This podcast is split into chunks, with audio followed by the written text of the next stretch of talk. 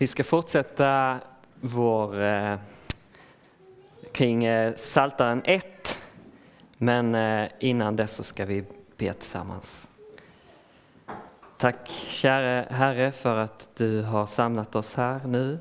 Tack för, att det som, för det som vi har fått höra hittills. Om vad profeten Jesaja har räckt oss för budskap om dig Jesus. Du, den lidande tjänaren.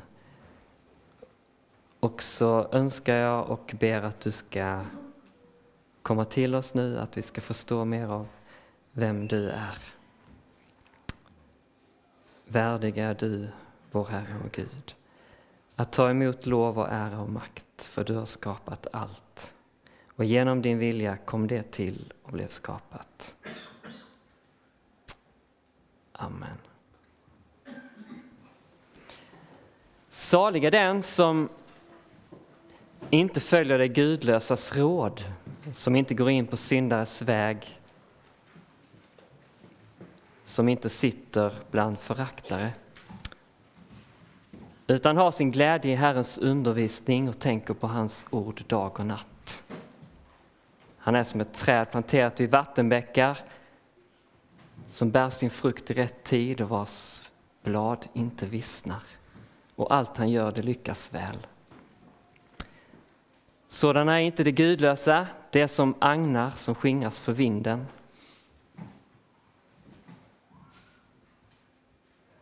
Det gudlösa ska inte bestå i domen, inte syndarna i det rättfärdigas församling. Herren känner det rättfärdigas väg. Men det gudlösas väg leder till fördärvet.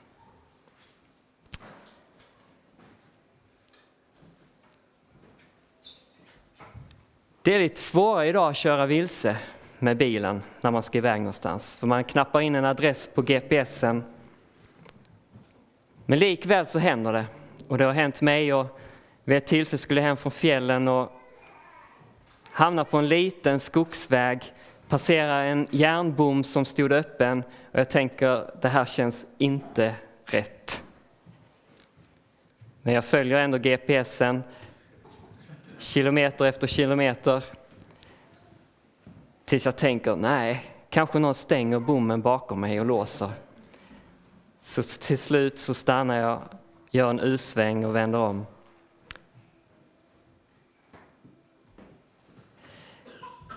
Överskriften på den här salmen har någon satt till de två vägarna.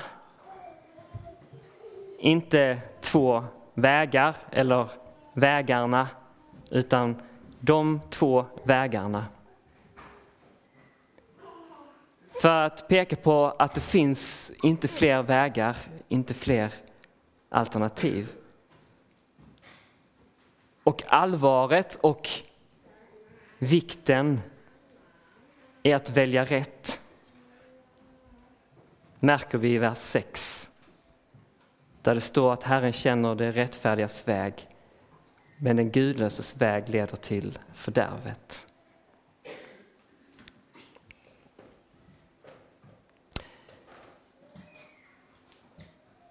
Det finns en dansk barnsång som har en vacker mening.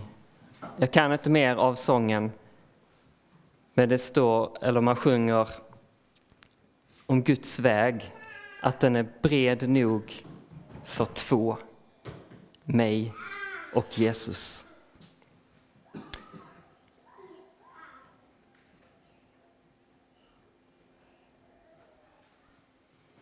Att köra vilse,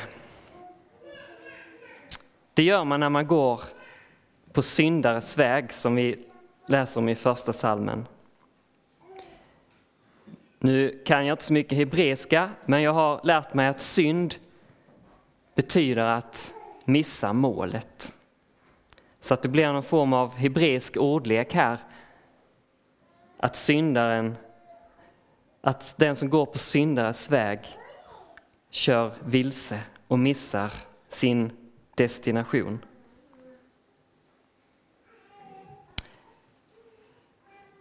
Och vi pratade lite mer om det i torsdags kväll. Och den som börjar med att följa det gudlösas råd kommer snart se sig själv att gå in på syndares väg, att stanna vid där och för att sen se sig sitta i gemenskap med de gudlösa som föraktar Gud, som inte räknar med någon Gud, som inte erkänner någon skapare eller frälsare. Bland dem som talar illa om Gud, hånar, bespottar honom.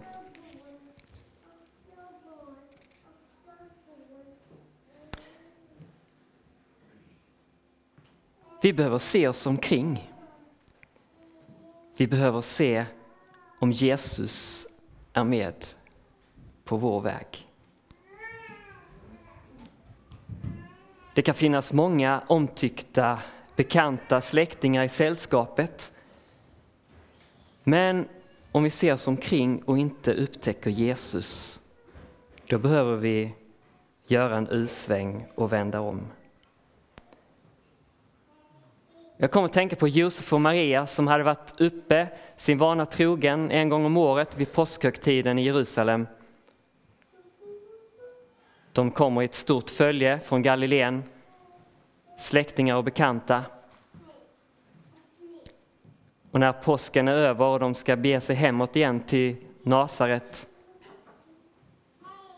så utgår de från att Jesus är med i sällskapet. Och det dröjer en hel dag innan de börjar leta efter honom. De rycker tag i armarna på sina bekanta. Har du sett Jesus? Man kan ana skräcken i deras ögon och hur de får plötsligt väldigt bråttom när ingen har sett till Jesus.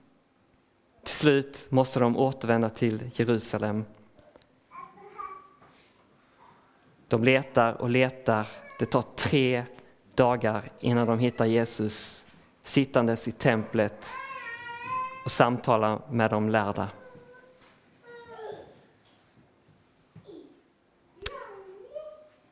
Detta bara för att illustrera, ge en bild av hur viktigt det är att ha Jesus med sig på vägen. Att fråga sig om jag går i sällskap med Jesus.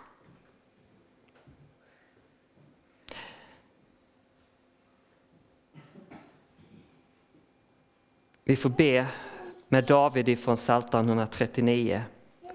Se om jag är på en olycksväg och led mig på den eviga vägen.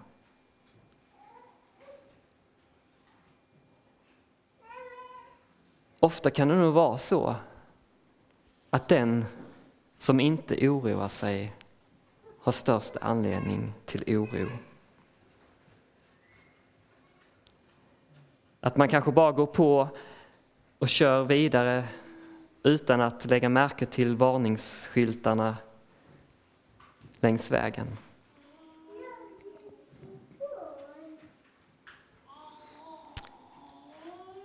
I torsdags så pratade vi lite mer om trädet som var planterat vid vattenbäckar som bär sin frukt i rätt tid och vars blad aldrig vissnar. Det är de som kallas för de rättfärdiga. Men hur beskrivs de gudlösa i psalm 1? De gudlösa är som agnar som skingras för vinden. Tänk dig en stor skördetröska på hösten som skördar vetet, klipper av stråna och axeln förs in i tröskan för att det där ska vetekärnorna skiljas från agnarna så att man får fram en ren vetekärna. Och efter tröskan så kan man se ett stort dammmoln. Det är agnarna, bosset, skräpet. Halmen läggs i strängar bakom. och i en stor tank så har man vetet, det rena vetet. Varför skingras då agnarna från vinden, för vinden? För att det är ett tunt skal utan något innehåll, väger ingenting. Det är bara yta. Det är en förskräcklig bild av de gudlösa. De saknar kärna, de är helt tomma, väger för lätt, tillhör avfallet. Det räcker med en liten vindpust så flyger de iväg. De gudlösa ska ej bestå vid domen, läste vi. I domen behövs en helt annan tyngd. I den vågskålen väger vi alla för lätt. Men som väl är finns det en som kan fylla oss med innehåll, med liv, med mening, med frukt, med en tyngd som håller inför Gud. Kanske har du sett hur man gör i en del länder i Afrika när man har skördat. På ett mer traditionellt vis så låter man oxarna gå i en cirkel över och runt, runt trampa på alla strån och kärnor för att så lossa agnarna från vetet. Och sen när oxarna har trampat runt så tar bönderna fram sina skyfflar, en kastskovel och så slänger de upp allt i luften. Och så tar vinden agnarna och skingrar det från vetet. Och Johannes döparen säger om Jesus att den som kommer efter mig är starkare än jag. Jag är inte ens värdig att ta av honom sandalerna. Han ska döpa er i den heliga ande och eld. Han har sin kastskovel i handen och han ska rensa sin tröskplats och samla sitt vete i ladan. Men agnarna ska han bränna upp i en eld som aldrig slocknar.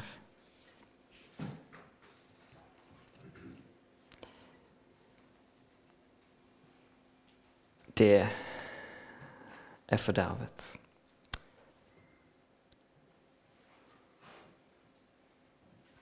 Min avsikt är inte att skrämmas. Min avsikt är att tala om allvaret. Allvaret i att gå på syndares väg, att lyssna till det gudlösas råg, att hamna bland dem som föraktar Gud. Men nu så behöver jag inte vara tom. Likt ett litet skal.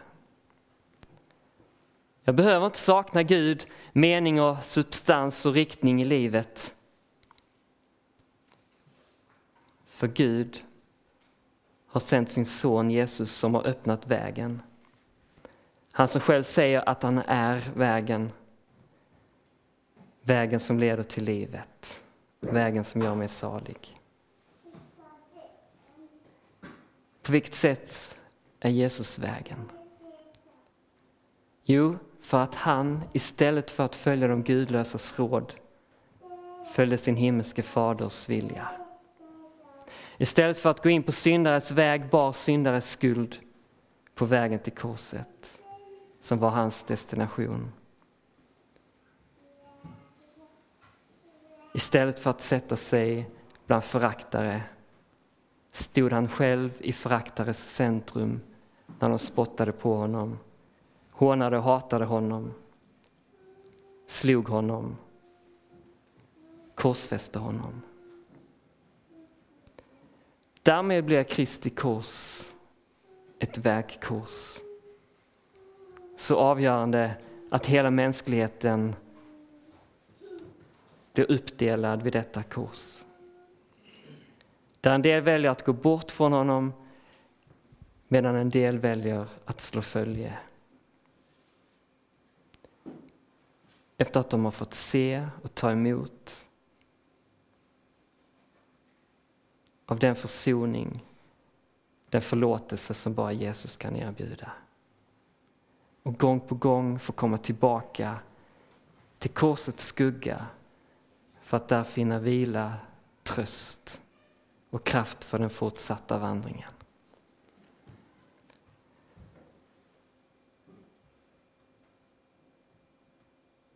Idag får jag göra som Josef och Maria.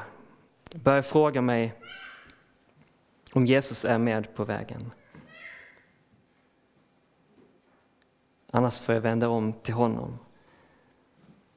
Till honom som ensam kan ge mitt liv och min resa en mål och mening, ett innehåll.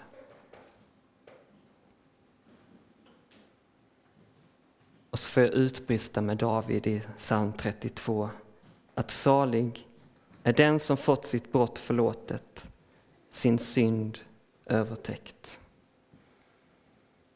Det är salighet, att hos Jesus Kristus äga förlåtelse. Och då kan jag slappna av. För då är jag med Jesus. Han som har ordnat allt och som har gett mig allt jag behöver av glädje, frid, tröst och styrka. Men samtidigt som jag får slappna av och vila så möter vi gång på gång uppmaningen i Bibeln. Håll fast. Tron kommer utsättas för prövning och jag behöver bestå i trons kamp. Mitt samvete kan få frid och vila i tro på Jesus.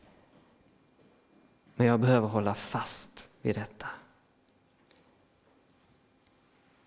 Ordspråksboken 4, vers 13. Håll fast vid min förmaning. Släpp den inte. Bevara den, för den är ditt liv. Gå inte in på det gudlösa stig. Vandra inte på det ondas väg.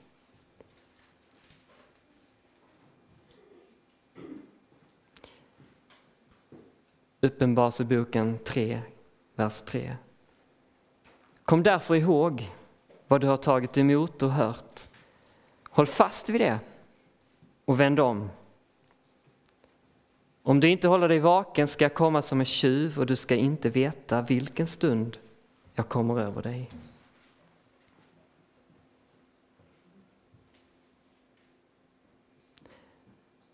Från Ordspråksboken 5. Inför Herrens ögon är människans vägar uppenbara. Han betraktar alla hennes steg. Den gudlöse fångas av sina egna missgärningar och fastnar i sina synders snaror. Han dör av brist på förmaning, i sin stora dårskap går han vilse.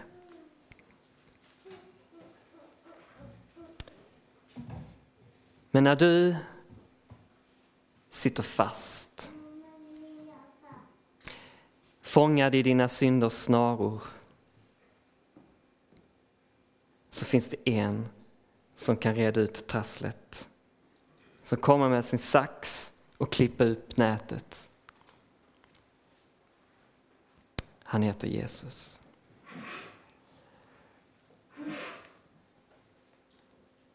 Och Gud älskar dig och har en enorm omsorg om dig. Om sina rättfärdiga. Han känner dig så innerligt. Och han vet om din väg, ditt liv. Herren känner de rättfärdigas väg. Och när jag studerade i texten så läste jag att det är samma verb som används i Första Mosebok 4. Där det står att mannen låg med sin hustru Eva och hon blev havande och födde Kain. Adam kände sin hustru Eva. Herren känner dig så innerligt och vet allt. Han känner så för dig. Han känner så väl till din väg och vill dig så väl. För han är så god. I en engelsk översättning står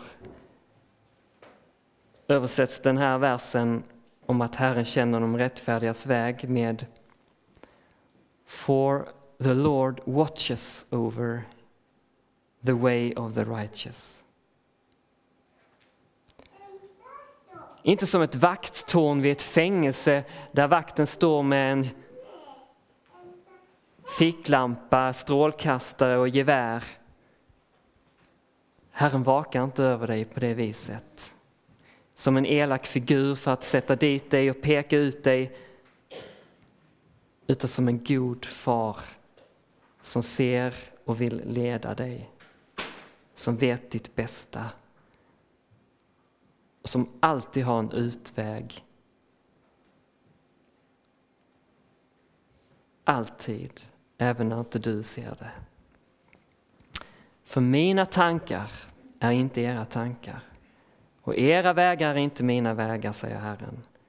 När liksom himlen är högre än jorden så är mina vägar högre än era vägar och mina tankar högre än era tankar.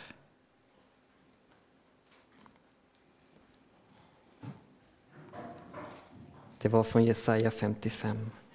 Och i psalm 121 står det att Herren bevarar dig, Herren är ditt skydd på din högra sida. Herren bevarar alla som älskar honom, men alla gudlösa ska han förgöra. Psaltaren 145.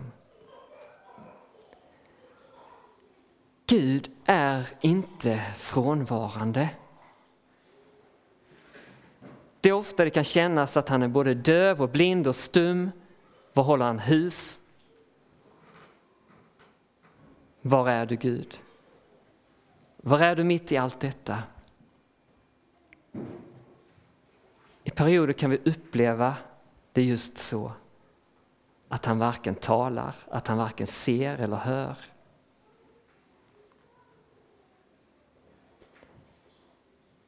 Men Herren är god en tillflykt på nödens dag. Han känner dem som flyr till honom. Läser vi i Nahum kapitel 1. Gud vet vad du går igenom just nu. Han känner dina tankar. Han vet ditt liv, hur din väg har sett ut. Han har sett dina tårar, hört dina böner. Han har sett dina fighter. Och han längtar efter att få leda dig på rättfärdighetens väg.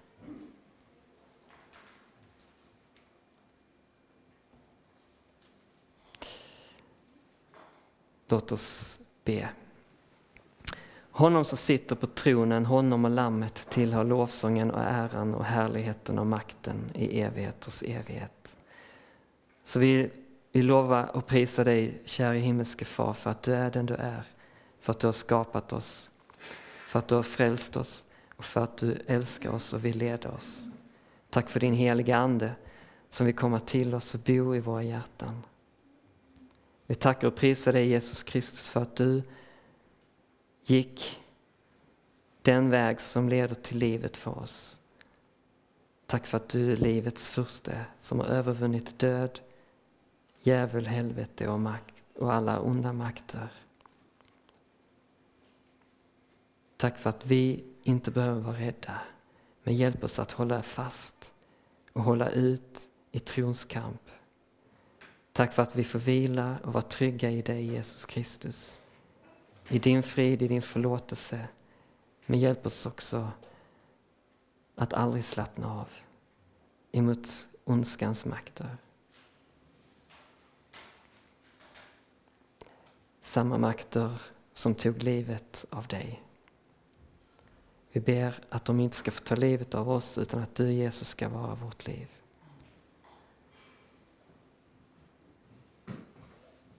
Så vill vi lämna oss själva och allt i dina händer. I Jesu namn. Amen.